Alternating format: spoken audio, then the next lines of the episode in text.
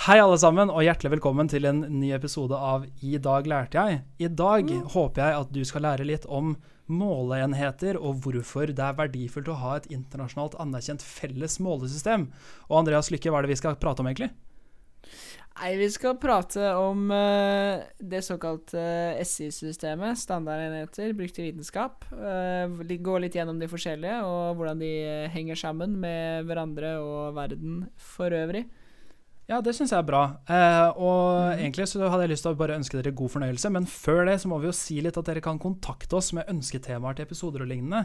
Dere kan nå ja. oss på Facebook, eh, eh, IDLJ-podkast, på Instagram, IDLJ-podkast, på e-post, post at idlj.no, eller besøk vår nettside idlj.no.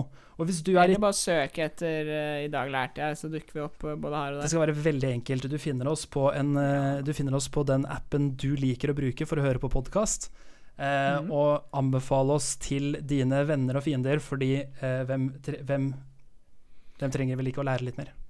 Hvis du har noen fiender, så kan du anbefale dem dagens podkast om SE-enheter. Ja, for den vi, tro, vi, tro, vi, trodde episoden kom til å bli kort, men den viste seg å bli lang. Men heng med, ja. det er stort sett gøy. Vi trodde også den kom til å bli kjedelig, men den ble morsom. Ja. Synes jeg jeg syns òg det. Jeg, og jeg er overraska ja, og imponert over egen innsats.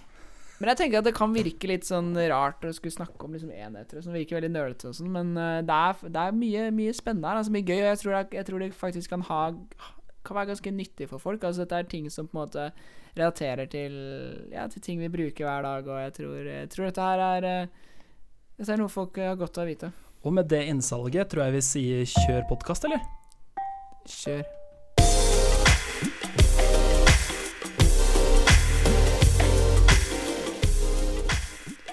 Hei og velkommen til en uh, ny episode av uh, I dag lærte jeg. Uh, I dag skal vi svare på spørsmål som Hva er egentlig en, en meter? Hvor mye veier et kilo? Hva vil det si at eh, noe er statistisk signifikant, og mye mer? Uh, hei på deg, Sindre. Går det bra? Hei på deg, Andreas. Det går veldig bra. Jeg sitter eh, inne og pimper, som Jokke synger, uh, selv om sola skinner. Uh, men jeg trives godt med det. det har jeg alltid gjort, og det er ingenting som tyder på at det vil forandre seg. Jeg, jeg måler ikke så mye for tiden, da. Jo, jo, færre mennesker jeg treffer, jo mindre opptatt blir jeg av å måle ting. Men du maler? Ja, men det blir noe helt annet igjen, da. Nei, jeg måler ikke så veldig mye, for å være helt ærlig. Jeg, Fordi ikke, ikke, om dagen. En av de tingene som jeg vanligvis gjør, og som jeg tror de fleste holder på med, er å måle seg mot andre. Men det blir det jo mm. lite av nå. Det er ikke det vi skal snakke om i dag, akkurat. Det er ikke det vi skal snakke om. Vi skal snakke om en helt annen type form for måling, eh, Lykke. Eh, mm. Hva er det du har lest opp, lest opp på i dag? Ja, altså jeg tenkte at uh, Vi har jo mye om forskning, vi snakker mye om, uh, om biologi og kjemi og sånn. Uh, litt fysikk her og der. Og det er jo litt sånn interessant å snakke om liksom konsept, litt sånn konseptene rundt. Hva er det som gjør at, at forskningen på en måte går framover? Hvordan kan man vite at liksom mine resultater her i Norge er det samme som noen i Japan, eller kanskje noen til og med i verdensrommet? Og hva er det som får disse alt, Hvordan kan man kommunisere så effektivt og presist via, via, språk, da, som man gjør? Og det kommer jo av både på en måte Ja, det er rett og slett språket man snakker, men det kommer også an på liksom hvilke enheter man bruker da, til å måle ting, og sørge for at uh, alt dette passer sammen. Og, og en del andre liksom, grunnleggende konsepter da, som går igjen i vitenskapen, som på en måte alle folk som jobber med vitenskap, prøver å liksom opprettholde. Ja, det er store ting vi skal prate om. Det er jo noe med eh, Eller da jeg, da jeg pitcha denne ideen for deg, så snakka jeg om det som en slags metavitenskap. Altså, ja. eh, men det er jo ikke det der. Det er, det er, ikke vitenskap om vitenskap, det er jo på en måte på andre enden.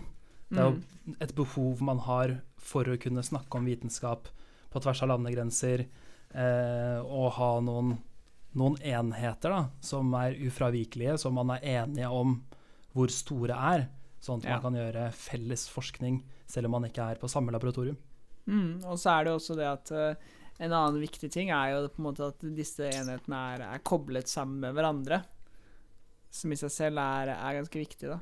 Det er absolutt helt vesentlig, og det er jo en av de store eh, og kompliserte tingene som vi stadig vekk utsettes for, er jo hvor dårlig de er kobla sammen i det amerikanske standard enhetssystemet. Eh, for lengde, f.eks., hvor man bruker yard og feet og inches, og ingenting henger på greip, egentlig. Såkalt uh, Det er vel sånn Imperial, er det det systemet heter?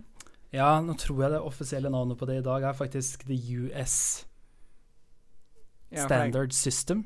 Ja, det er noe fordi de, de uh, britene har jo faktisk uh, tatt det metersystemet til seg.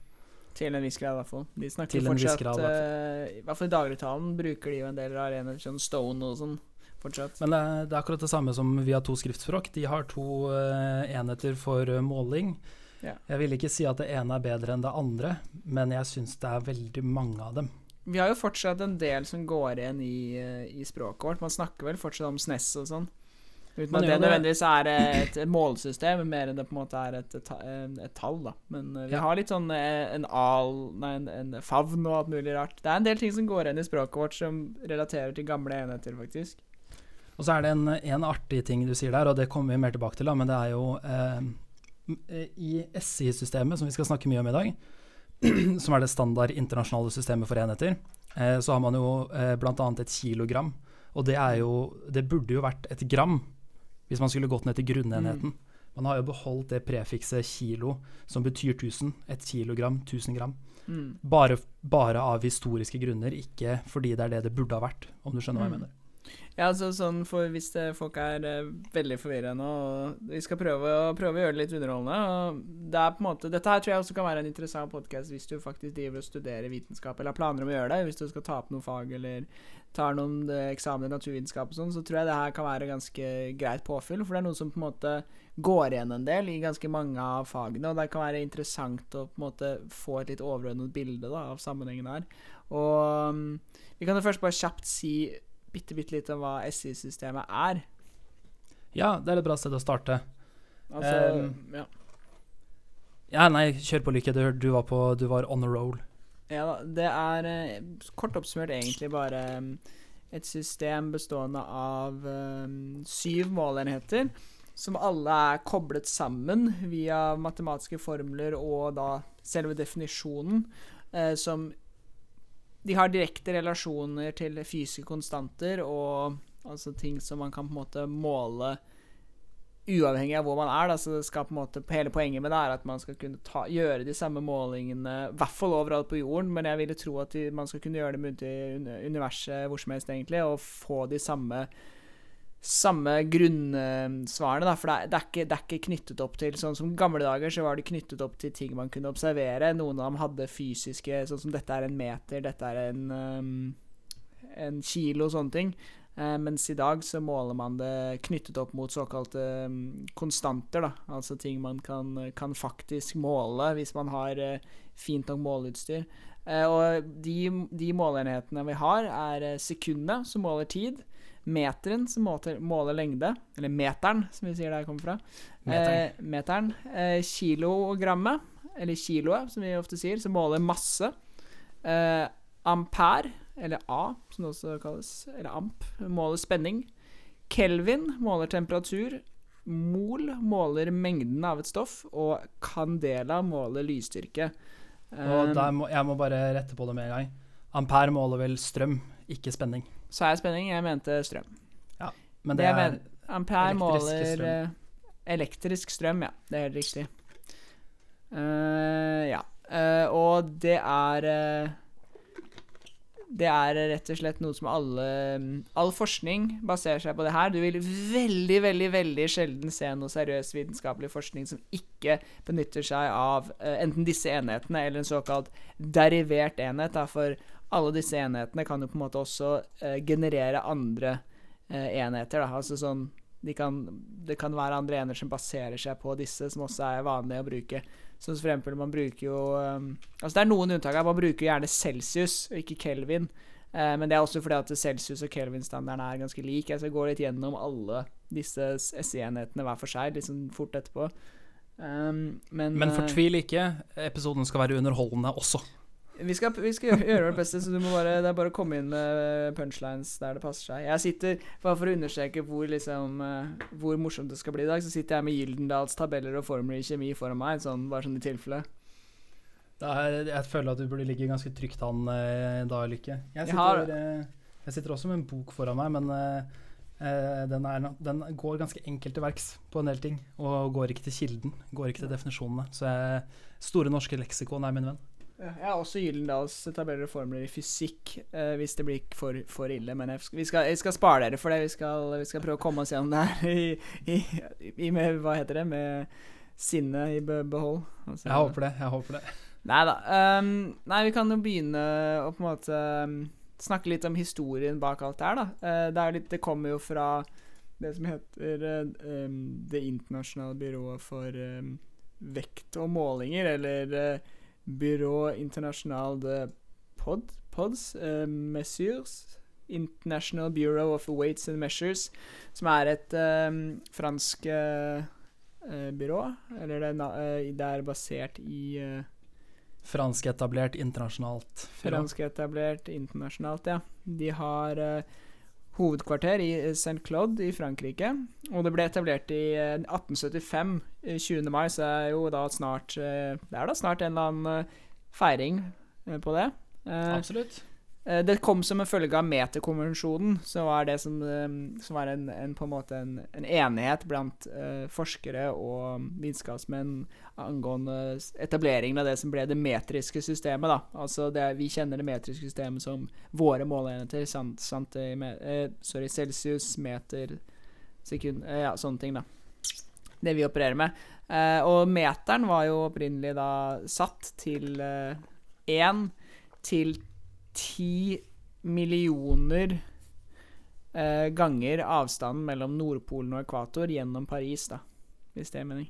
Det, ja, eh, så det er avstanden fra eh, Du tar avstanden fra Nordpolen til ekvator. Mm -hmm, gjennom Paris. Så, ja, gjennom Paris, fordi, fordi, alt som er verdt noe, går gjennom Paris. Ja. Og så er det da en timilliontedel av det. Det er én ja. meter. Det er én meter opprinnelig. Eh, vi skal snakke litt om hva det, hva det er nå. Eh, men eh, i starten så lagde man jo litt fysiske enheter. Man lagde en, en meter, og man lagde en eh, et kilogram eh, og en del sånne ting. Og det metriske systemet har jo blitt en veldig stor suksess. Altså Fordelen med det er jo at det opererer jo i stor grad med liksom 1 10 100 000 med da liksom eh, Med 10 liksom, som grunnenhet? Er, ja, ja, ja, altså 10 Altså det er, ti, det er, det er et uh, titallssystem, da. Så det, ja. det, er veldig enkelt å regne på i hodet.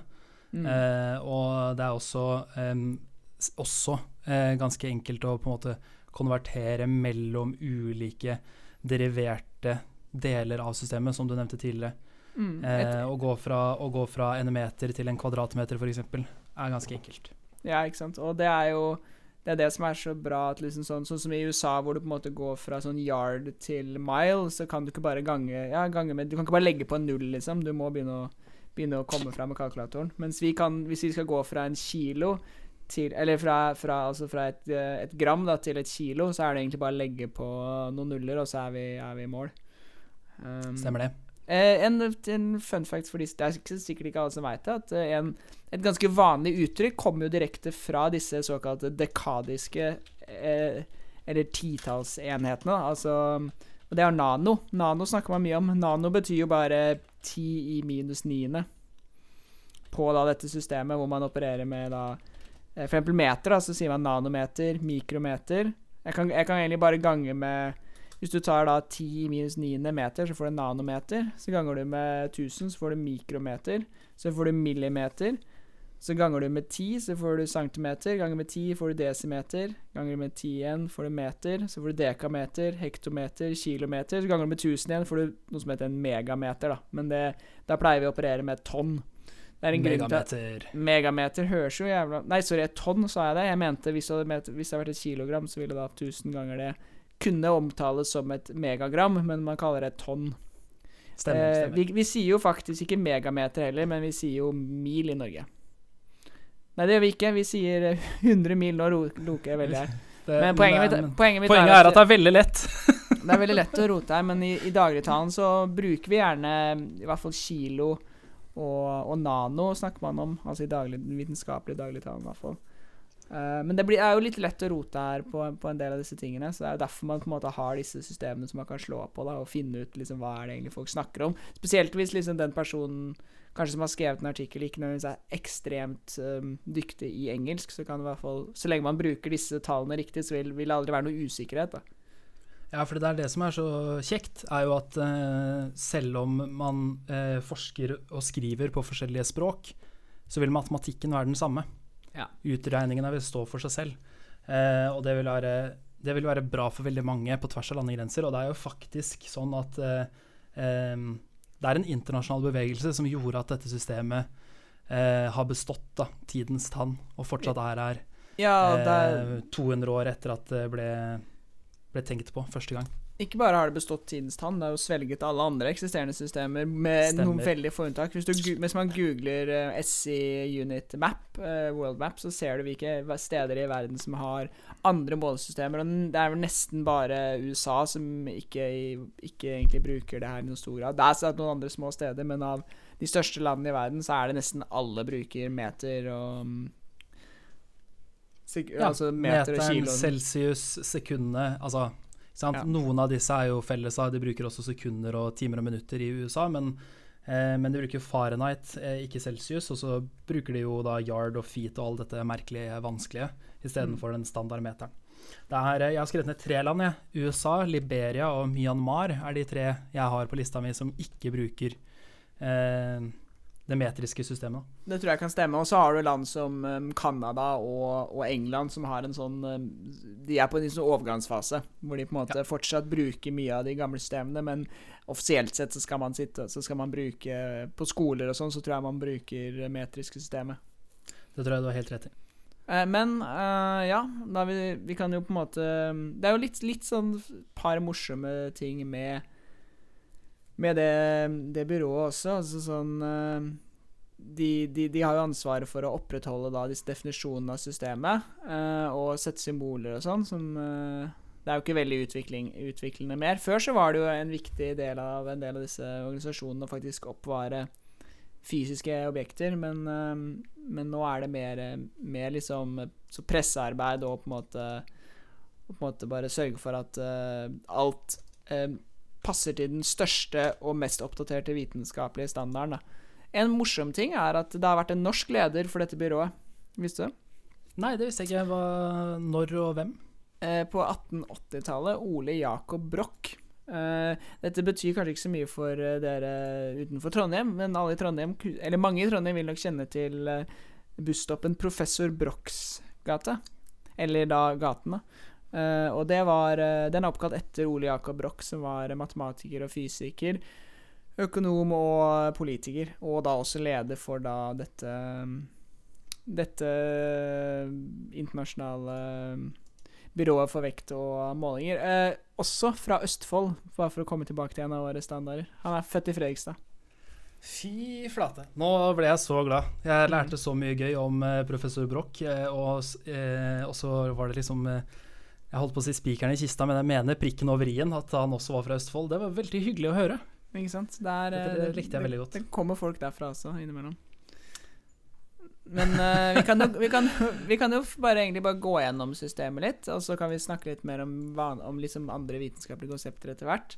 Ja, jeg må bare eh, ta kjapp, eh, et kjapt sidesprang først. Fordi du snakker jo om det internasjonale eh, byrået for mål og vekt. Men vi mm. har jo eh, hos oss i Norge det norske justervesenet. Ja, hva gjør vi... justervesenet? det har jeg det, det, er et spørsmål jeg aldri har stilt. Jeg, la, jeg har, har, aldri lurt på det. Og la meg sitere Norges beste band, eh, Black Debate, i spørsmålet 'Hvem justerer justervesenet?' Det er et uh, stort filosofisk spørsmål. jeg, jeg lurer på om Jeg er inne på justervesenet.no. Eh, helt øverst her så forteller den meg at din tid er 1,233 sekunder, eller 1233 millisekunder, etter justervesenets klokke. Eh, så Lykke, jeg beklager at det var sent til dette møtet. Jeg skal prøve å stille klokka mi. Ja, jeg trodde det var, skulle stå bare 'din tid er omme', justervesenet står på døra. Vi kommer og tar deg. Vi kommer og justerer ja, deg.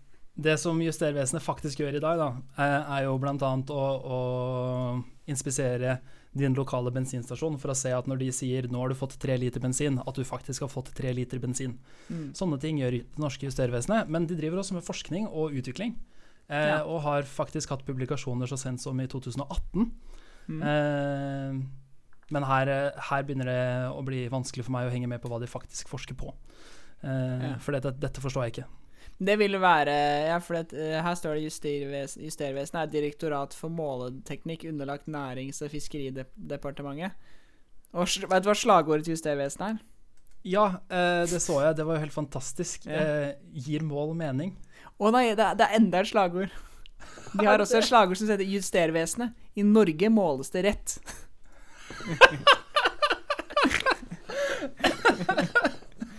det er, dette er veldig bra. Justervesenet de, de, de, har så lite å gjøre. De er, de er sikkert, det er tre stykker. Det er en som går rundt og måler, en som forsker, og en som finner på nye slagord.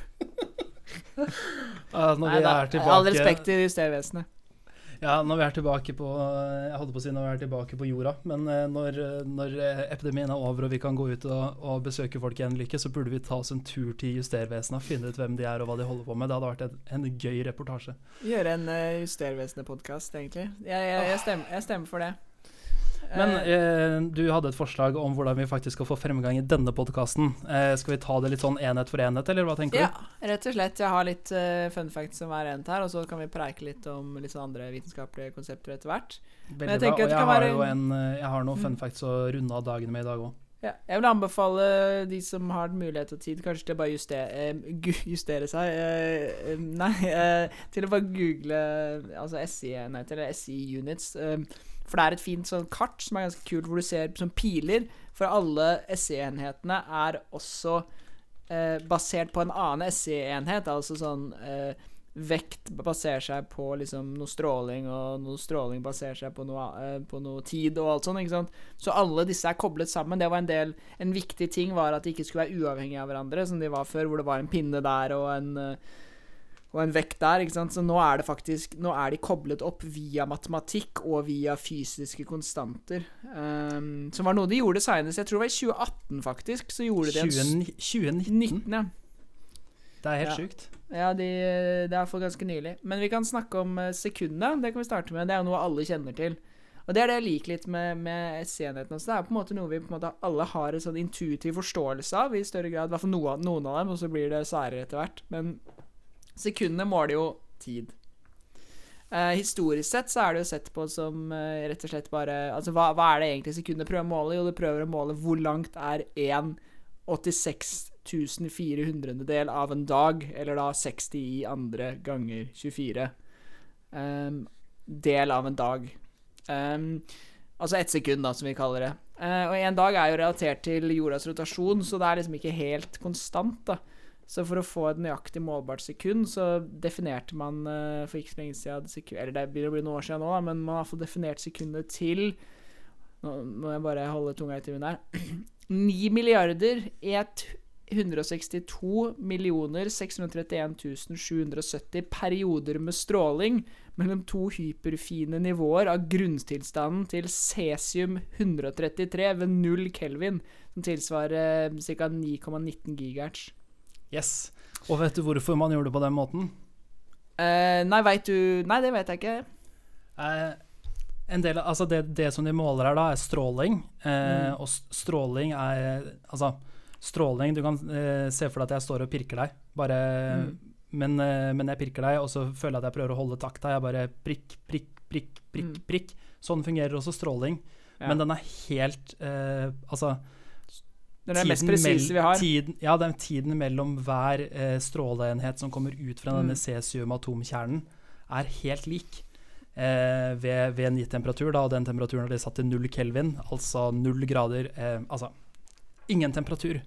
Mm. Den aller laveste temperaturen som eksisterer. Vi kommer jo innom det også. Eh, så her, eh, allerede er, her så har vi jo sett en, det, det de har gjort, er å ta på en en teoretisk tilstand for, eh, for en fysisk et fysisk fenomen, stråling, mm. og sagt den vil være helt lik mm. og konstant uansett når, hvor eh, og hvordan.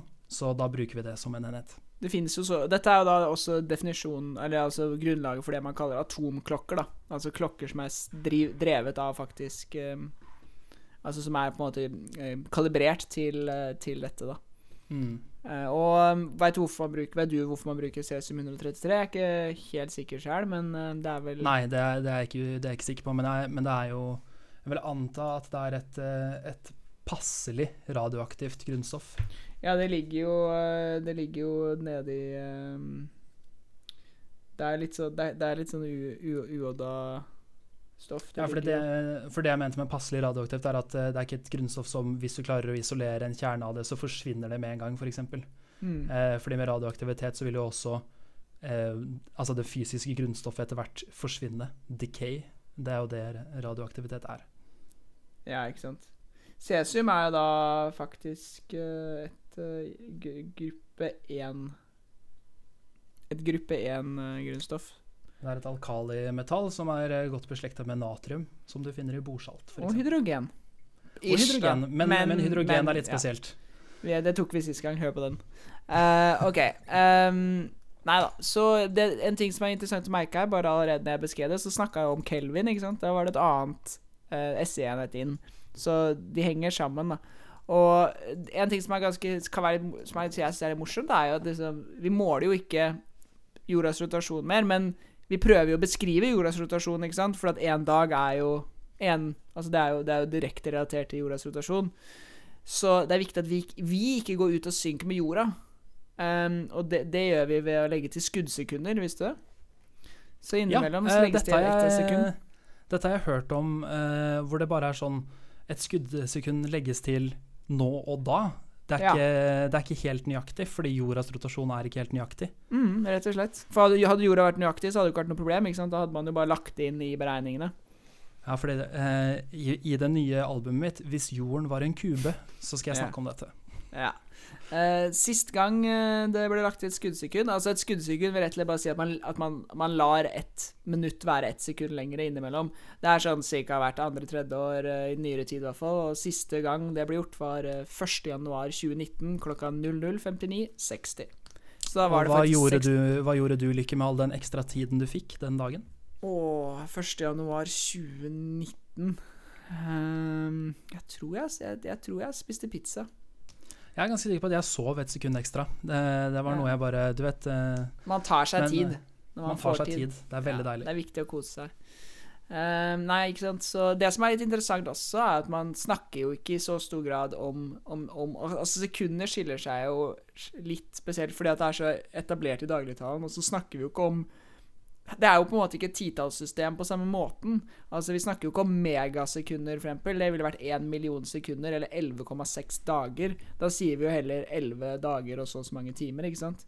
Mm. Uh, men vi går nedover, da. Vi bruker jo millisekunder og sånne ting. Og nanosekunder. Sånt. Uh, men, men, det er faktisk også SI Altså uh, SI-systemet tillater faktisk bruken av minutt, time, dag, uke eh, faktisk, fordi at det er så etablert. Eh, selv om man teoretisk sett også kan si mega- og gigasekunder, hvis man absolutt må. Absolutt, og det er faktisk det er et um, På samme måte som en del eh, regler eh, som, politi, altså som den norske lov nå bruker, så er det en mm. del eh, slingring. Eh, og det, ja. det betyr f.eks. at hvis det er hensiktsmessig å oppgi, oppgi en, en, tid for et, et forskningsresultat mm. da, i måneder, år, eller ja. år, måneder og dager, så er det helt tillatt. Men hvis det skal være nøyaktig, så vil man gå opp til antall megasekunder hvis det er det som faktisk er viktig. Hvis man driver og måler sånn Altså måler man ja, cesiumstråling eksempel, så er det jo på en måte ikke naturlig å oppgi det i, i år, for det skal være så sinnssykt nøyaktig. Men hvis man jobber med eksempel ja, La oss si at jeg Sånn som jeg gjorde mye på laben, da, hvor jeg grodde bakterier opp til en viss um, Altså sånn, Jeg tok en bakterie, og så på en måte gjorde jeg den bakteriekolonien til veldig mange flere bakterier. Og da sier jeg liksom sånn at jeg gjort det Jeg brukte La oss si 18 timer, da. Du sier ikke liksom så og så mange sekunder. For det har ikke noe å si om det egentlig er 18 timer og 2 minutter eller 18 timer og 10 minutter. Altså Bakteriene vokser ikke helt jevnt uansett. Og sånn gjelder jo, gjelder jo mye vitenskap, ikke sant. Altså igjen, altså hvis du skal, vi skal si hvor lang tid det tar å vokse Altså et tre Hvor lang tid et tre eller en annen plante vokser, så, så, snakker man jo om det i uker, måneder, dager, ikke sant. Mm. Det er jo noe med å være eh, nøyaktig der det er hensiktsmessig, mm. eh, og heller være nøyaktig for ofte enn for sjelden. Ja, og så er det jo også det at man må jo faktisk være Det, er, det har jo noe med det å faktisk gi Altså Selv om måte folk har doktorgrader og, og, og professorater og alt sammen, så er det viktig å beskrive ting sånn at folk forstår det. Og vi forstår Vi har en veldig naturlig forståelse av hva en time er. Vi har ikke så stor forståelse av hva 1 ganger 10 i 14 sekunder er. Nei, eh, der, og der kom du inn på noe som jeg skal bare ta en kjapp avstikker på. Og jeg tror jeg tar det med en gang. Jeg. Ja, sure. eh, og det handler om eh, psykofysikk, som handler om forståelse for eller opplevelse av ulike enheter. Mm. Psykofysikken er da en eh, læren om forholdet mellom de ytre sansepåvirkninger og de opplevde sanseinntrykk. Yeah. Uh, så for eksempel, da, uh, så vil man Man vil så vidt Nå begynner det å bli litt sånn litt på siden av nøyaktig vitenskap. Så ja. her begynner det å bli sånn at man samler en stor folkemengde som man anser som, eh, som, man anser som eh, eh, stor nok til at den kan gjelde for folk flest. Eh, og da har man f.eks. etablert at man kan eh, føle vekt I vekt så kan man kjenne forskjellen på 40 og 41 gram. Men ja. man kan ikke kjenne forskjellen på 400 og 401 gram. Ja, eh, og, og, etter mye forskning med ulike vekter, da, så har de sett at, eh, at brøken er 1 til 40. Så ja. for å kjenne forskjellen når du er på 400 gram, så må du legge til 10 gram for å kjenne forskjell på de to enhetene. Og det mm. er jo en ting som jeg syns er litt viktig. Eh, en del folk som jeg snakker, har snakka mye med før, da, når man er på laben og sånn, eller mm. bare med folk generelt, så snakker de veldig mye om forskjellen på ah, men det skal ikke egentlig være 17, det skal egentlig være 18. Og så er det sånn, jo, men hvis ikke du kjenner forskjellen, hvis ikke du opplever forskjellen, er det da viktig? Eh, men da begynner man å gå mer på liksom, sanser og følelser enn det fysiske, og da begynner man å gå fra svært nøyaktig til ikke så nøyaktig. Ja, ikke sant. Og igjen så handler det om liksom hva man driver med. Altså prøver man å på en måte gjøre veldig, veldig følsom uh, kjemi, på en måte, eller driver man med på en måte oppdrett av uh, av, av ja, hva som helst, av, av, sauer eller noe sånt. Altså, det kommer et punkt hvor det på en måte ikke, ikke er hensiktsmessig å være så nøyaktig, da. Mm. Men um, Var du ferdig? Jeg er ferdig. Jeg ville bare snakke litt om psykofysikk, fordi Psyko det var noe jeg lærte om i dag. Ja, Det jo veldig interessant. Det syns jeg vi må snakke mer om. Uh, ja, uh, en annen S Vi kan gå videre egentlig til neste S-enhet. Altså Tid er jo, er jo viktig, og hvis jeg skal ta med noe, så vite at det er på en måte basert på da um, stråling. da For stråling er, er, vil alltid være likt. Det vil, være, det vil oppleves likt uansett hvor man er hen.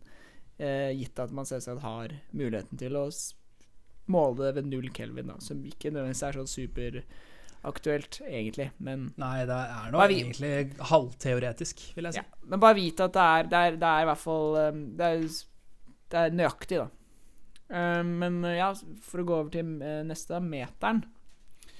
Meteren er jo, uh, har vi snakka om, det var da 1 til 10 millioner avstand mellom Nordpolen, og Paris før. Og så var det en meterstav.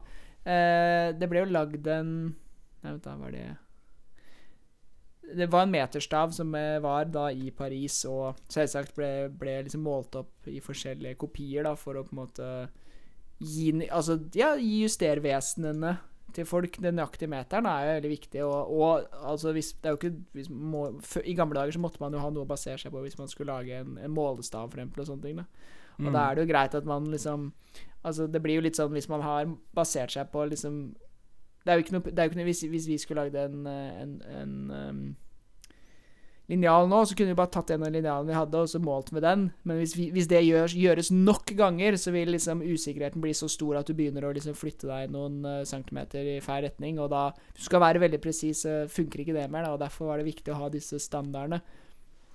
Men nå i dag så har vi uh, selvsagt en mer eh, nøyaktig måleenhet. Så meteren er i dag da definert som lengden lys reiser i vakuum på 1 til Altså én over 299 millioner 792 458 sekunder med 0,1 nanometers usikkerhet. Nice. Så det, si at, så, så, så det vil egentlig bare si at meteren er basert på lysets hastighet. Da. Og det er også noe annet som vi vet er ganske konstant. da. Ja, ikke bare ganske. I vakuum, da. i vakuum er konstant. Så det ja. er en veldig fin uh, grunnenhet. Så hvis man bare ganger opp det, så får man uh, så får man uh, Så får man en den meter. meteren, da. Mm. Um, her er jeg en liten eh, Altså Meteren er jo veldig veletablert, og de fleste har et forhold til hva en meter er i dag. Mm. Uh, men jeg har jo en, eh, en liten sånn historisk eh, greie på uh, måleenheten for lengde. Ah. Eh, og hvis det passer seg, så tror jeg bare smetter den inn her med en gang. Hopp, hopp inn, ass. Vi trenger er noen å bryte opp uh, SI-galskapen her. En av, de, en av de tidligste enhetene for eh, lengde eh, ble brukt bl.a. i antikkens Egypt. Det var da avstanden fra albueleddet ditt til tuppen av langefingeren. Dette har vi snakka om Eh, før, tror jeg. Det kan hende, men den avstanden ble kalt for en kubit. Ja. Eh, og, og den avstanden eh, er jo ikke nøyaktig. Eh, forskjellen på din og min kubit eh, er, jo, er jo til stede. ja så så det, man gjorde, det man gjorde, var jo for å få et felles system bare inn, innad i Egypt, eller bare innad i en stamme i Egypt. Så var det faraoens kubit som var den offisielle kubiten. Ja. Eh, og, så, var det ikke helt uh, utenkelig at de, at de f.eks. fant litt tømmer og lagde målestokker da, som, Mm. som, som var på en måte eh, et stempel av faraoens kubit, så de kunne bruke kubits litt rundt omkring. Ja. I eh, Bibelen bruker de vel kubit til å beskrive Det- Noahs ark. Vet jeg den er, den er beskrevet i, i antall kubits. Det kan godt hende. Det, det henger ganske bra på greip, for det var også en enhet som eh, har hatt forskjellige navn, men hatt samme betydning på tvers av landegrenser i antikken, fordi de alle sammen har en kropp å forholde seg til. Så hvorfor ikke bare bli enige om et sted på kroppen som er omtrent likt?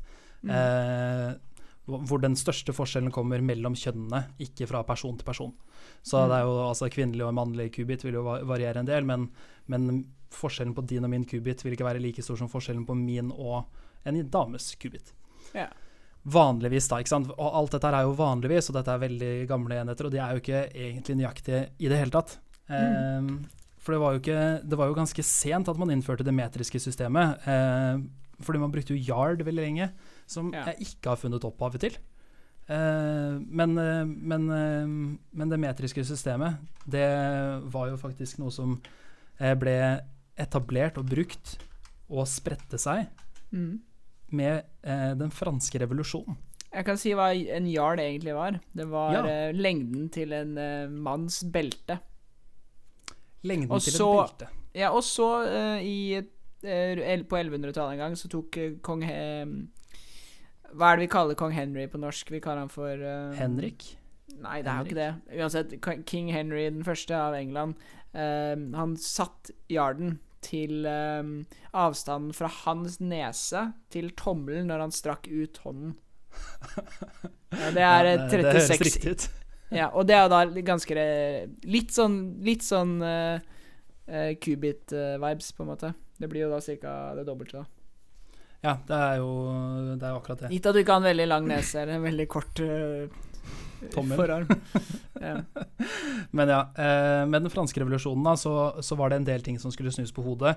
Eh, en, en, eh, en av de viktige tingene med den franske revolusjonen var jo at eh, de gamle, den gamle adelen, eh, som bl.a. tok inn eh, skatt fra folket, Mm. eh, tok jo inn mer og mer skatt og skulle ha mer og mer. Og det de, det de bl.a. gjorde, var jo OK, eh, det, vi, du må putte sølvmynter på denne vekten eh, tilsvarende eh, en, en standard enhet som jeg bestemmer, og den, det kaller vi for kongens pund, f.eks.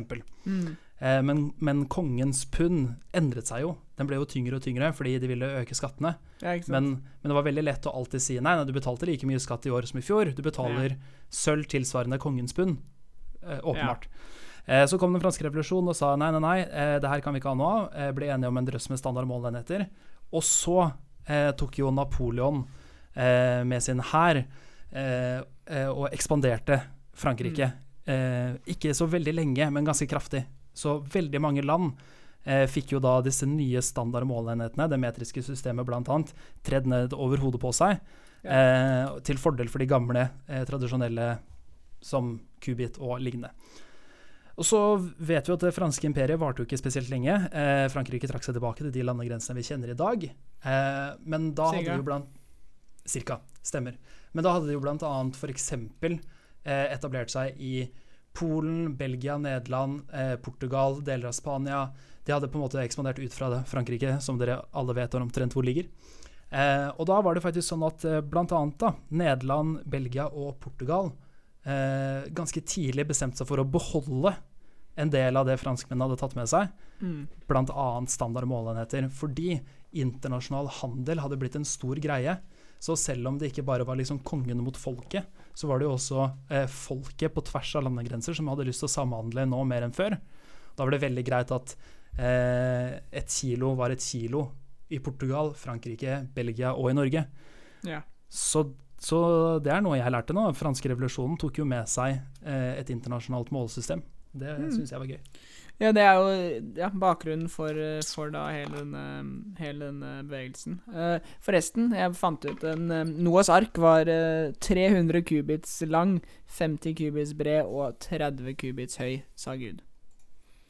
Da um, ikke da, vi, da har vi fått Gud tilbake også. Jeg føler vi treffer mange av uh, av greiene våre her. ja, fordi jeg, jeg, jeg, vil ikke på en måte Jeg vil ikke på en måte kaste, kaste uh, hva heter det? Ja, drit i. Jeg Bensin på bålet? Jeg har ikke lyst til å på en måte gi kirken en dårlig deal her nå, men det var ikke plass til alle dyra, eh, to og to. Gitt at de ikke hadde veldig få dyr, og de var veldig små. Stor. ja, det kan ha vært veldig små og, og få dyr. Små og få dyr, ja, for da tenker du at det som skjedde rett etter Noahs ark, var en ganske kraftig evolusjon. Rett og slett. Eh, ja. Mm. OK, okay. moving on.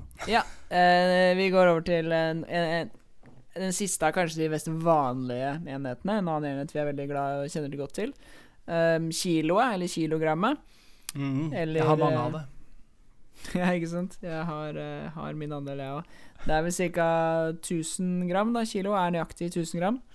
Stemmer det. Uh, det er jo det kilo, på en måte, er jo da den um, titallssystem-måten å si 1000 på, egentlig.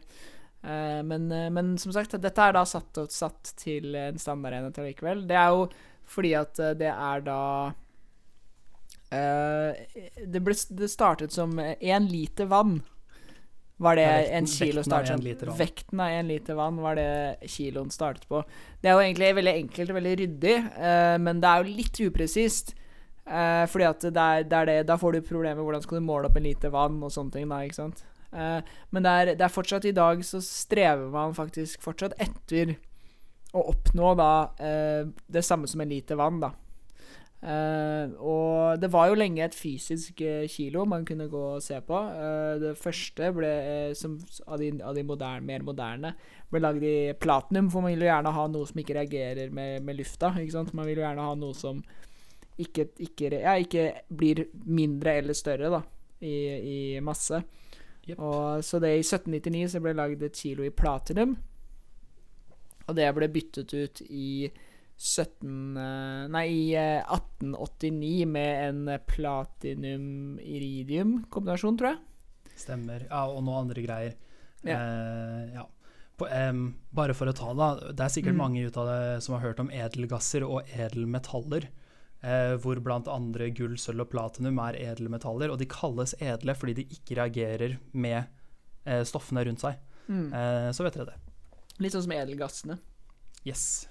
Uh, men uh, ja, så det var, jo, det var jo veldig viktig å ha noe å kalibrere etter. Jeg, det er da en norsk Det er en norsk film som handler om at hun uh, Jeg tror det er Andal Torp som skal gå måle enten en Hun jobber i Justervesenet og skulle måle enten en meter eller et kilo. Jeg Kan du huske hva den het? Det var en sånn Jeg, jeg husker ikke, men, men, jeg, men jeg, jeg minnes den. Ja, den... eh, det finnes faktisk et norsk kilogramnormal. En, en, den norske kilogramnormalen hos Justervesenet på Kjeller eh, har nummer 36 blant verdens eksemplarer av kilogramnormaler, laget mm. av platinum iridium eh. Yes. Ja, den, eh, den filmen het for, for, øvrig 1001 gram. Uh, og jeg ser bare overskriften her på Dagbladet. 'Spiller nerd i ny film'.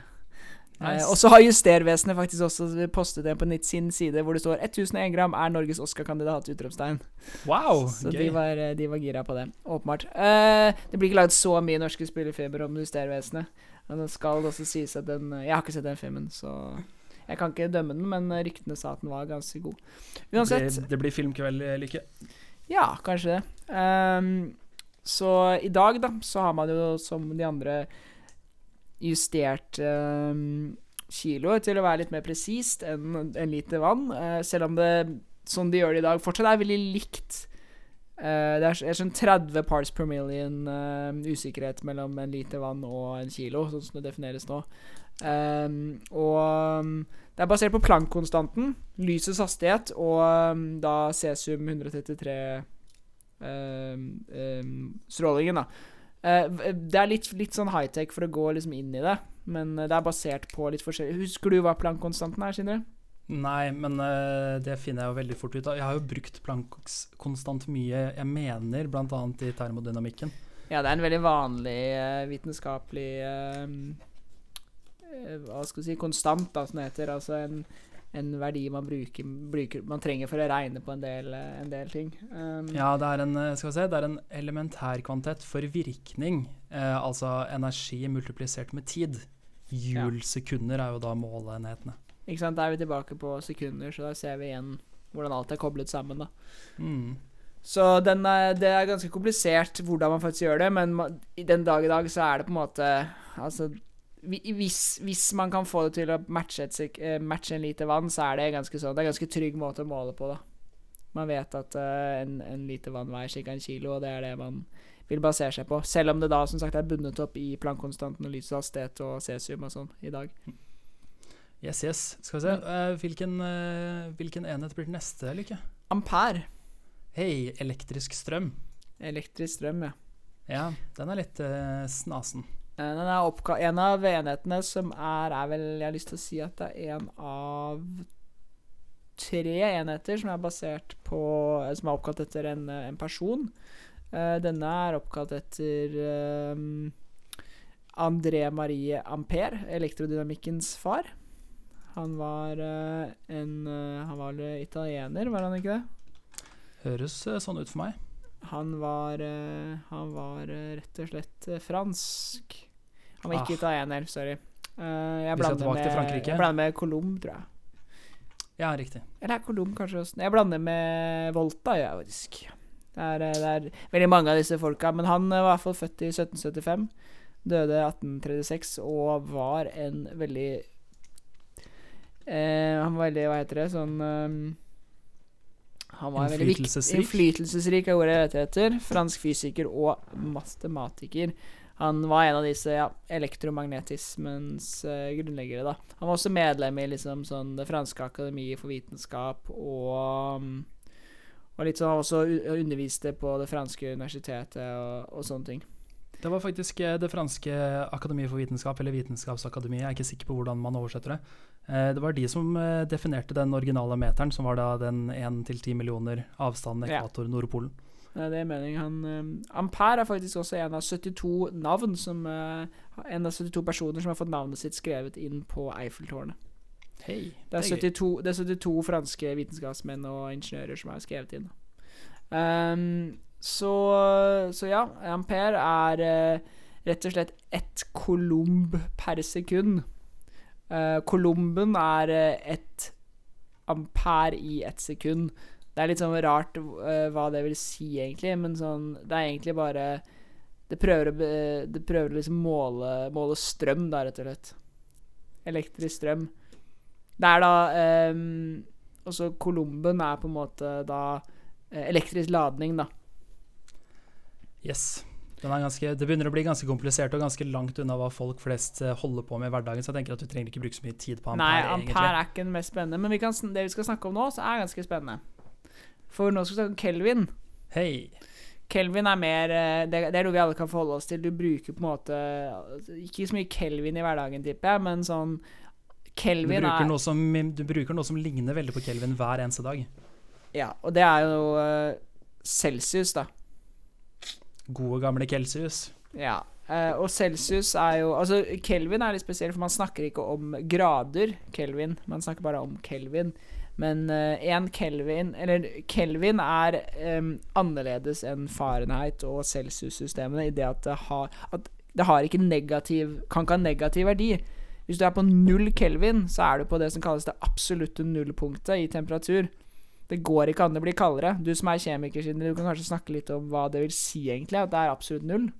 Ja, um, absolutt null. Um, vi burde jo egentlig snakke om hva er varme. Varme mm. er vibrasjon i, på atomært, eh, eller kanskje enda lavere nivå. Mm. Eh, vibrasjonen eh, i alle, alle elementærpartiklene. Eh, og når, når, vi, når, temperaturen går ned, eller når du opplever at det blir kaldere, så er det fordi vibrasjonen i alle disse atomene blir lavere, eller mindre vibrasjon. Eh, og, og der, dermed mindre energi, da. Yes. Og når du nærmer deg det absolutte nullpunkt, altså null kelvin, så er det ingen vibrasjon i atomene. Ja. Eh, så det er en artig definisjon, og det er jo eh, litt viktig og, og, og, fint for oss som er vant med Celsius, Celsius at avstanden fra eh, det ene kelvinet til det neste er akkurat lik som avstanden fra en celsiusgrad til den neste celsiusgraden. Ja, så det, er, det, det, følger den samme stigningen, på en måte. Stigningstallet er likt. Uh, og Det som er litt sånn interessant med Kelvin, syns jeg, det var i hvert fall når jeg lærte om Kelvin, så var jeg så fascinert av det her, og det er at altså, det absolutte nullpunktet er ikke så lavt. Du skal kanskje tro at det er sånn en milliard minus celsius, men det er faktisk bare minus 273,15 grader celsius. Det er så kaldt det kan bli, ifølge vår forståelse av uh, fysikken. da. Ja, det er ganske det, og det, jeg er helt enig med deg. Det er kjempeartig. For det er jo ikke så altså, sånn, to, Ovnen min blir jo 273 pluss, liksom. Ja, null stress. Eh, og overflaten på temperaturen på sola er vel sånn 6000 grader. Eh, mm. Så det er artig hvor nærme null vi egentlig befinner oss og trives. Ja, ikke sant. Eh, I hvert fall hvis du ser litt stort på det. Mm. Uh, og um, så, så, så, det Hvis man skal Så vi jobber sånn i praksis, så føler jeg at iallfall i, i bioteknologi, molekylærbiologi og sånn, så snakker vi ikke så mye om Kelvin, vi snakker om Celsius. Eh, fordi at det er Det er jo veldig ryddig med tanke på at det fryser på null og koker på 100 eh, hvis det er vann. Så, mm, men det er det samme på en måte stigningstallet, i motsetning til f.eks. Fahrenheit, som de bruker i USA. Da. Vet du for eksempel vet du, uh, vet du hvor eh, Fahrenheit og Celsius treff, treffer hverandre? Åh, ja. Er det minus 42 eh, grader? Jeg tror det er minus, minus 40. Ja, det er noe sånt nå. Det er de. Eh, men ja, det, det, er jo å, å gå fra Fahrenheit, eh, Fahrenheit som temperaturskala er litt artig, for det var jo oppkalt etter mannen sjøl, Fahrenheit, eh, som, eh, som i, i, sine eksperimenter da, målte en del temperaturer og fant ut at hei, disse temperaturene går jo nesten perfekt opp i 180 grader. 180 grader er jo en, en, halv sirkel, så han tenkte det er jo perfekt. Mm. Da kan vi jo bruke et gradesystem, så da kommer jo grader fra.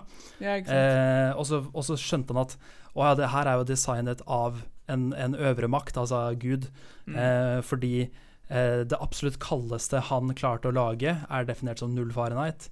Eh, og så går du da gjennom denne gradegreia, og ved akkurat 100 Fahrenheit så er du på kroppstemperatur. Og da tenkte han å ja, det gir mening. Og så går det til 180, og der koker vann. Ikke sant? Ja. Eh, så han hadde bare en sånn drøss med ting, eh, en, en, drøss med ulike ytre faktorer som gjorde at han tenkte ah, dette er liksom a part of the grand design. Det er klart det henger sammen. Eh, ja. Men, eh, men eh, på, på, i amerikansk rettsvesen så ville man eh, sagt at bevisene er circumstantial, ja. og dessverre så var han på ville veier. Ja, så Det er jo interessant sånn at um, For null Fahrenheit var det kaldeste han klarte å gå. Ja, stemmer. Han, klarte, han lagde en eh, blanding med isbiter, salt ja. og vann, som ja. ligger på sånn ca. minus 16 grader. Ja, 17,7777. Yes, minus, så det nullpunktet i Fahrenheit er da på minus 17,77. Eh, og ganske mange kelvin, sånn 255 kelvin. da Så han var ikke, han var ikke helt i null, men uh, bra jobba i Det er sikkert en stund siden. Uh, men, uh, men jo, litt, litt bare sånn om om Kelvin. Altså hvor, Kelvin er jo en, av disse det er oppkalt etter. Han, han jo, var jo en veldig spennende fyr. Han, um, han het uh, uh, egentlig sir William Thompson, men han ble, han ble da døpt uh, av dronningen til The Right Honorable Baron Kelvin. Så han, han, ble om, om, så han har både Thompson og Kelvin. Og jeg ble litt skuffa i stad, faktisk. Fordi jeg har alltid, eller jeg har ganske lenge gått rundt og både ment og trodd at uh, han var eh, den eneste personen som har hatt eh, to enheter oppkalt etter seg, nemlig både Kelvin og Thomsen.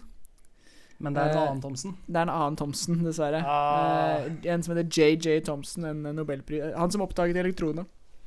Um, så, så, det. Men nei, Kelvin var matematiker, han var fysiker, han var ingeniør.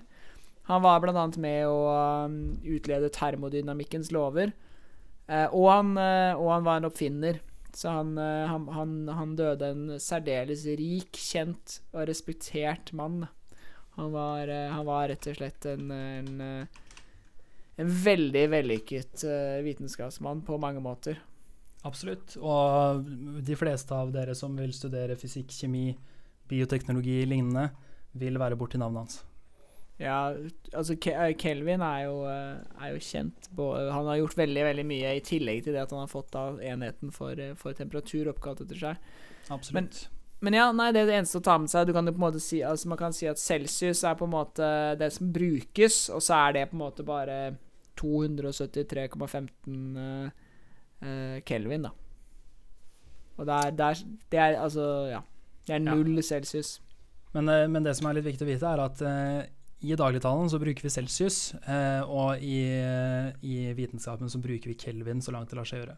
Ja, men vi gjør jo ikke det i, i Vi gjør det, vi gjør det når vi jeg tror, de, jeg tror, det er vanligere i kjemi enn i, enn i bio, bioteknologi. Fordi at vi, vi, på en måte måler jo ofte Vi bruker jo ofte maskiner som bare Bruker mye inkubatorer og sånn, eh, og sånne varmeblokker og sånne greier, og da er det ofte celsius man opererer med i Norge.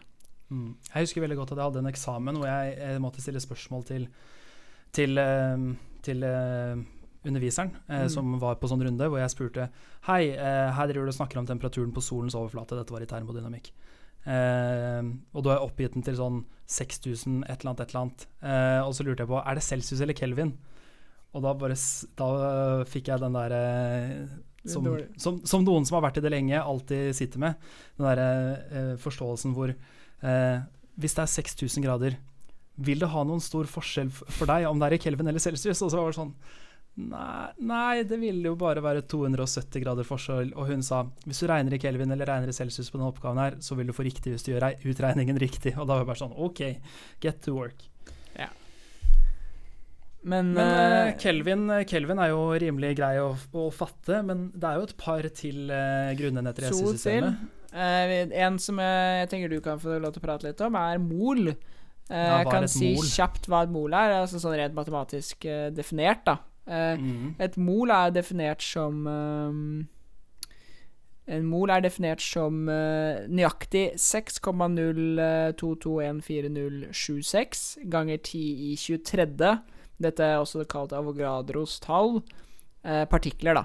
Uh, så det vil si at det er egentlig bare en enhet for å måle liksom, mengden av noe. Det, er, det, det, sier ikke så mye om massen i seg selv, men det, det tilsvarer at at det er så mange partikler av noe. Da. Dette partiklene kan være atomer, molekyler, ioner, elektroner, men man, elektroner, man bruker det typisk om eh, atomer eh, eller om eh, molekyler. Da. Ja, det er ganske vanlig. Så som kjemiker så bruker vi det jo hver dag. Eh, det er den vanligste måten å, å snakke om antall eh, Antall, som du sier, partikler, molekyler, atomer til stede. Mm. Eh, og et mol, Avogadros tall, er jo ekstremt høyt. Altså 6 eh, ganger 10 i 23. Det vil si er, 23 eh, nuller, liksom. Ja, 23 nuller bak et sekstall. Det er ekstremt stort. Uh, men, men, det, men, det, er jo egentlig fint å tenke at det er ekstremt stort. Da har man en større forståelse for hvor små atomer eller molekyler faktisk er. Uh, jeg husker veldig godt jeg lærte om Avogadros tall, så hadde jeg en veldig god lærer i, i naturfag på videregående eh, som hadde med sukker. Og i ett kilo sukker så, så er det mer enn ett mol sukkermolekyler. Eh, og da hadde han med en vekt, og så viste han at det er sånn Jeg mener å huske at det ligger liksom mellom et halvt og ett kilo, og så har du ett mol sukkermolekyler som du kan holde og se på. Eh, og så sa han se så stort dette tallet er, og så fins det en sang om det. Eh, The Mole Song en flott sang som dere burde sjekke ut på YouTube, som, som setter det litt i perspektiv. da. Hvor mange papirark lagt oppå hverandre, hvor mange ganger frem og tilbake mm. til månen får du hvis du har ett mol ark. Sånne ting. Vi kan jo uh, si at uh, ett mol uh, Nå må jeg, jeg hoderegne. Ett mol uh, vann veier 18 gram ca. Stemmer. og det er på en måte sånn Det er helt ja, da jeg begynte å forstå det første gangen, så syntes jeg det var helt utrolig eh, hvor, hvor, stort et mol er, og hvor små atomer er. Eh, 18 ja. gram vann er ikke spesielt mye. Nei, 18 gram vann er jo en spiseskje. Eh, Bitte litt mer enn en spiseskje vann. Mm. Eh, det er jo helt vilt. Men, eh, men, ja, nei, det er, ikke noe, det er ikke noe vi skal eh, legge oss opp i. Eh, det, det, som er artig med, med, at man valgte et mol, er jo bare fordi det var Altså, det som er viktig med mol, er at man på et eller annet tidspunkt definerte hva er én. Mm. Ikke sant? Eh, for det er jo bare Du bare ganger opp tallet én. Fordi å ha null av noe eller å ha én av noe, det er så definert. Det er så, det er så lett å forstå. da ja. Eh, mens, eh, mens, når du snakker om Avogadros-tall og sier ja, det er et fantastisk høyt tall, å ja, er det en milliard? Nei, det er mange milliarder, milliarder, milliarder. Så blir det sånn OK, eh, ro ned nå, det høres jo helt tullete ut. Mm. Men da brukte man mol da, for å finne ut av at et ålreit og fint tall å bruke, som man har fått beholde som et eh, som, et, eh, som, et, som, en målenhet i SI-systemet, som man da selvfølgelig har brukt eh, Eller som man etter hvert har på en måte det er, jo, det er jo lagd for å passe inn og lage ja. passe store enheter senere. Så, jo, så, mol er bra å bruke. Ja, man, altså når man gjør, driver med sånn um, kjemiske ligninger, som er veldig mange som er borti naturfag og kjemi og sånn vil kjenne til, så driver man jo Så regner man jo i mol, ikke sant. For eksempel hvis man skal lage vann, så er det 2H2 pluss eh, O2 blir til 2H2, som vil si 2 mol H2, eller 4 mol hydrogen pluss 1 mol O2 eller 2 mol oksygen blir til 2 mol vann. Men dette sier jo ingenting om vektforholdet, for 1 mol oksygen veier jo 16 ganger så mye som 1 mol hydrogen ca. Men, men det, er veldig, det, er veldig, nyttig er... å regne på, da. Og så kan man jo bare dele Altså bruke dette tallet til å finne ut Hvis jeg faktisk skal lage da eh, vann, da altså Nå er vann et dårlig eksempel pga.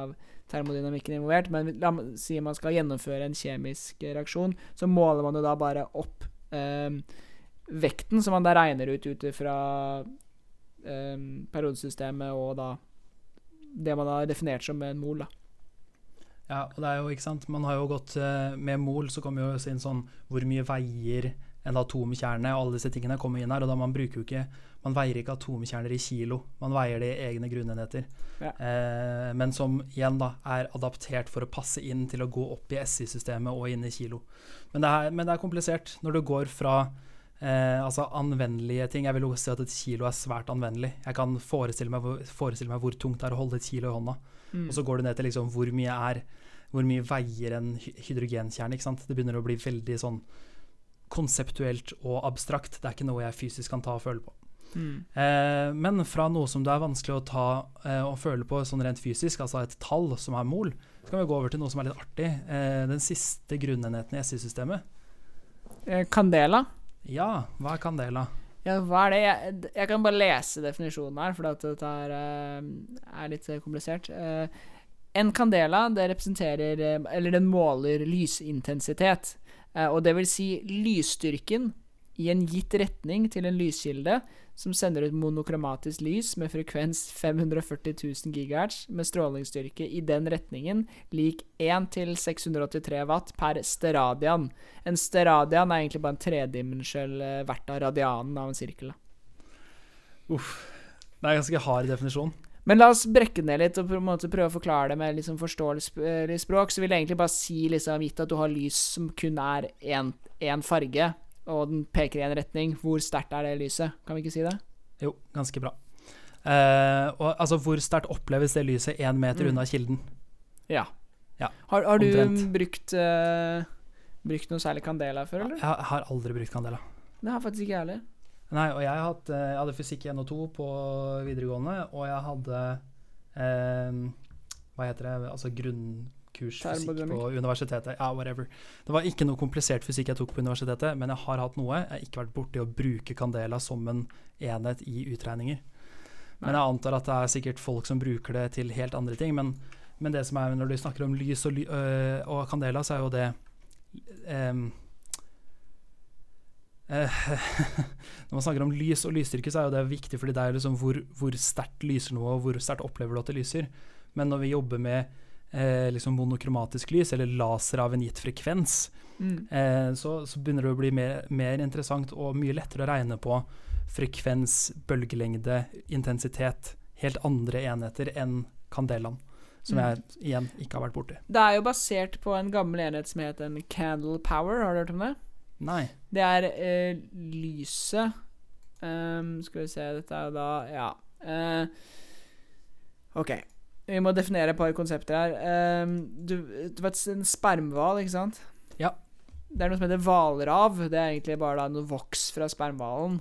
Stemmer det. Uh, man lagde lys av det. Sånne sperma La oss kalle det hvalravlys, da. Altså um, som et, uh, som et stearinlys. Så én, uh, candle power, som det heter på engelsk, er da lyset som produseres av et rent eh, spermhvalvokslys, eh, som veier en sjettedels eh, pound, britisk pound, og som brenner på noe som heter 120 grains per hour, altså sånn en gitt, eh, vekt, en gitt mengde vekt per time. Da. Så hvis man klarer å kontrollere hva slags hva slags lys man har, og hvor fort det brenner, så kunne man måle da um, en candle power, da. Og så har man gjort litt forskjellige ting hvor man prøvde å liksom Hvor mye lys slipper én eh, kvadratcentimeter platinum ut når det smelter? Eh, og så har man prøvd seg på litt andre løsninger, og da Man endte jo opp på denne løsningen eh, jeg sa i stad, da. Eh, som er da basert på Som er mer som basert på en generisk lyskilde og, noe, og da definisjonen av en, eh, av en uh, tredimensjonal radian og frekvensen og sånn, da. Ja, det er noe heftige greier. Ja, for det jeg er vant med, da, er jo at jeg går på eh, min foretrukne lyspærebutikk, og så er det antall watt som bestemmer hvor mm. sterk den lyspæren lyser. Ja, så lumen eh, er jo ikke så uvanlig, da. Nei, og lumen er ganske greit. Og så er det for skjermer så bruker man noe som heter nits. Så mm. ja, det er mange forskjellige enheter her, og Candela er ikke noe jeg er borti. Eh, og den, av alle S-enhetene så er det Candela er den eneste jeg kunne ha brukt for å svare på et spørsmål i Besserwisser. Ah, ja, ser du. Eh, men Lumen er jo da direkte derivert fra, fra um, Candela igjen, da. Nettopp. det er jo da en, eh, en Candela ganger eh, en Steradian, da.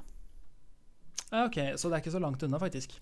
Nei, det er en, det er en sammenheng der, men eh, vi må gå inn på litt geometri og sånn for å forklare liksom hvordan alt funker, da. Men, uh, men man, det kan vite at liksom når dere ser lumen, som da er en vanlig, ganske vanlig beskrivelse av lysintensitet, så er det direkte relatert til Candela. All right. Du, Lykke eh, ja, Vi skulle det, prate masse i dag, men jeg, dette tok jo så det mye tid. Altså, ja, eh, tida har bare løpt fra meg. Jeg, jeg har eh, prøvd å destillere ned fra en drøss med fun facts til noen av de artigste.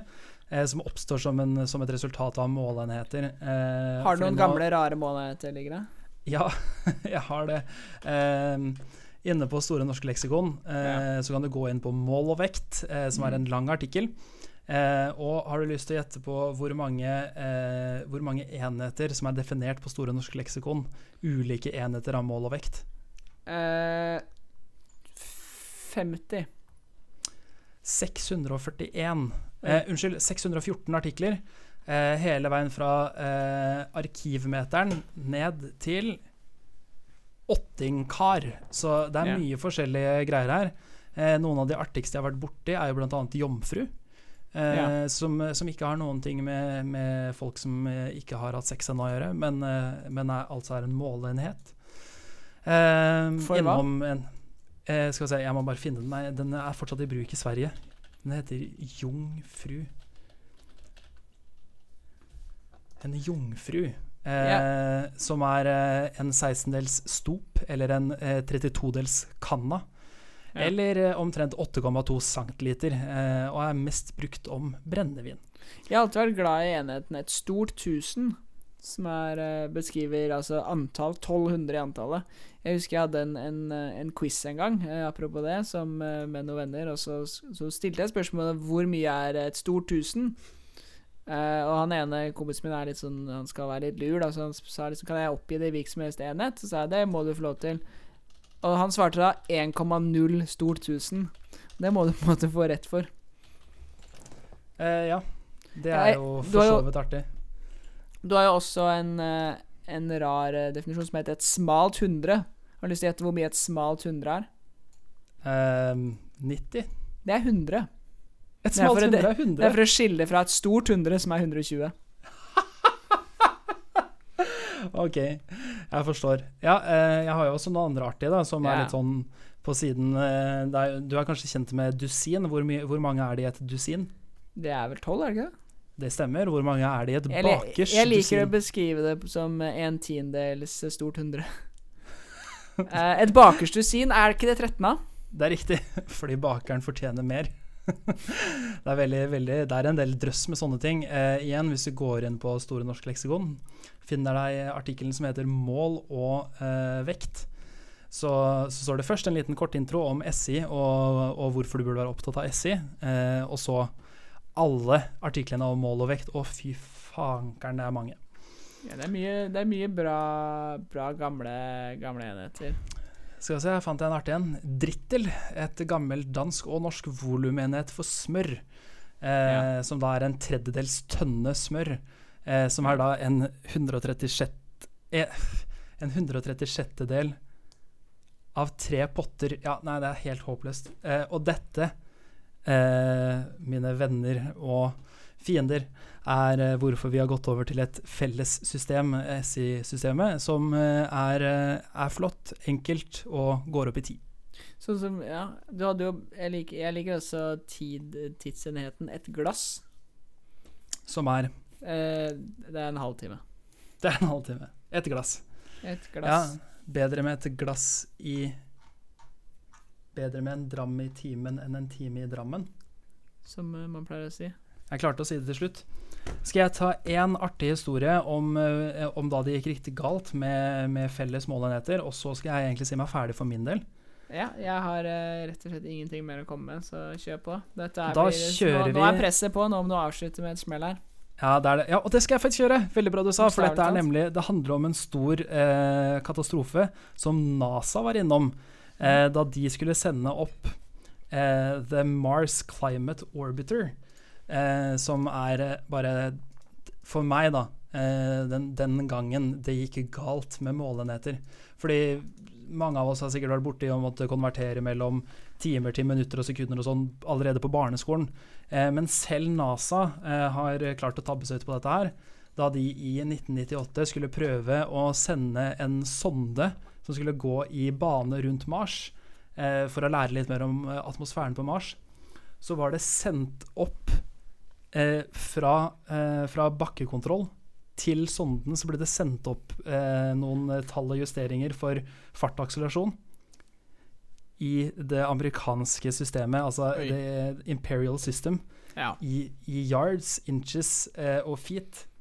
Ja. Og det funker ikke når du, eh, når du egentlig skal gjøre utregninger basert på SI. Ja. Og det endte med at uh, hastigheten ble feil, og at man uh, krasjet da denne sonden til en verdi av to millioner dollar ned i Mars overflate. Ja. Og det er kjipe penger, og det er sikkert en og annen som måtte tenke seg om to ganger før de gjorde utregninger og omgjøringer etter dette. Og lang historie kort, bruk SI, så er du trygg. Jeg tror, Har du lært noe i dag, Sindre? Du, jeg har lært masse rart i dag. Eh, jeg har bl.a. Eh, lært om, eh, om, eh, nettopp dette med, eh, med, hvordan man definerer Candela. Eh, nav, mannen bak Kelvin.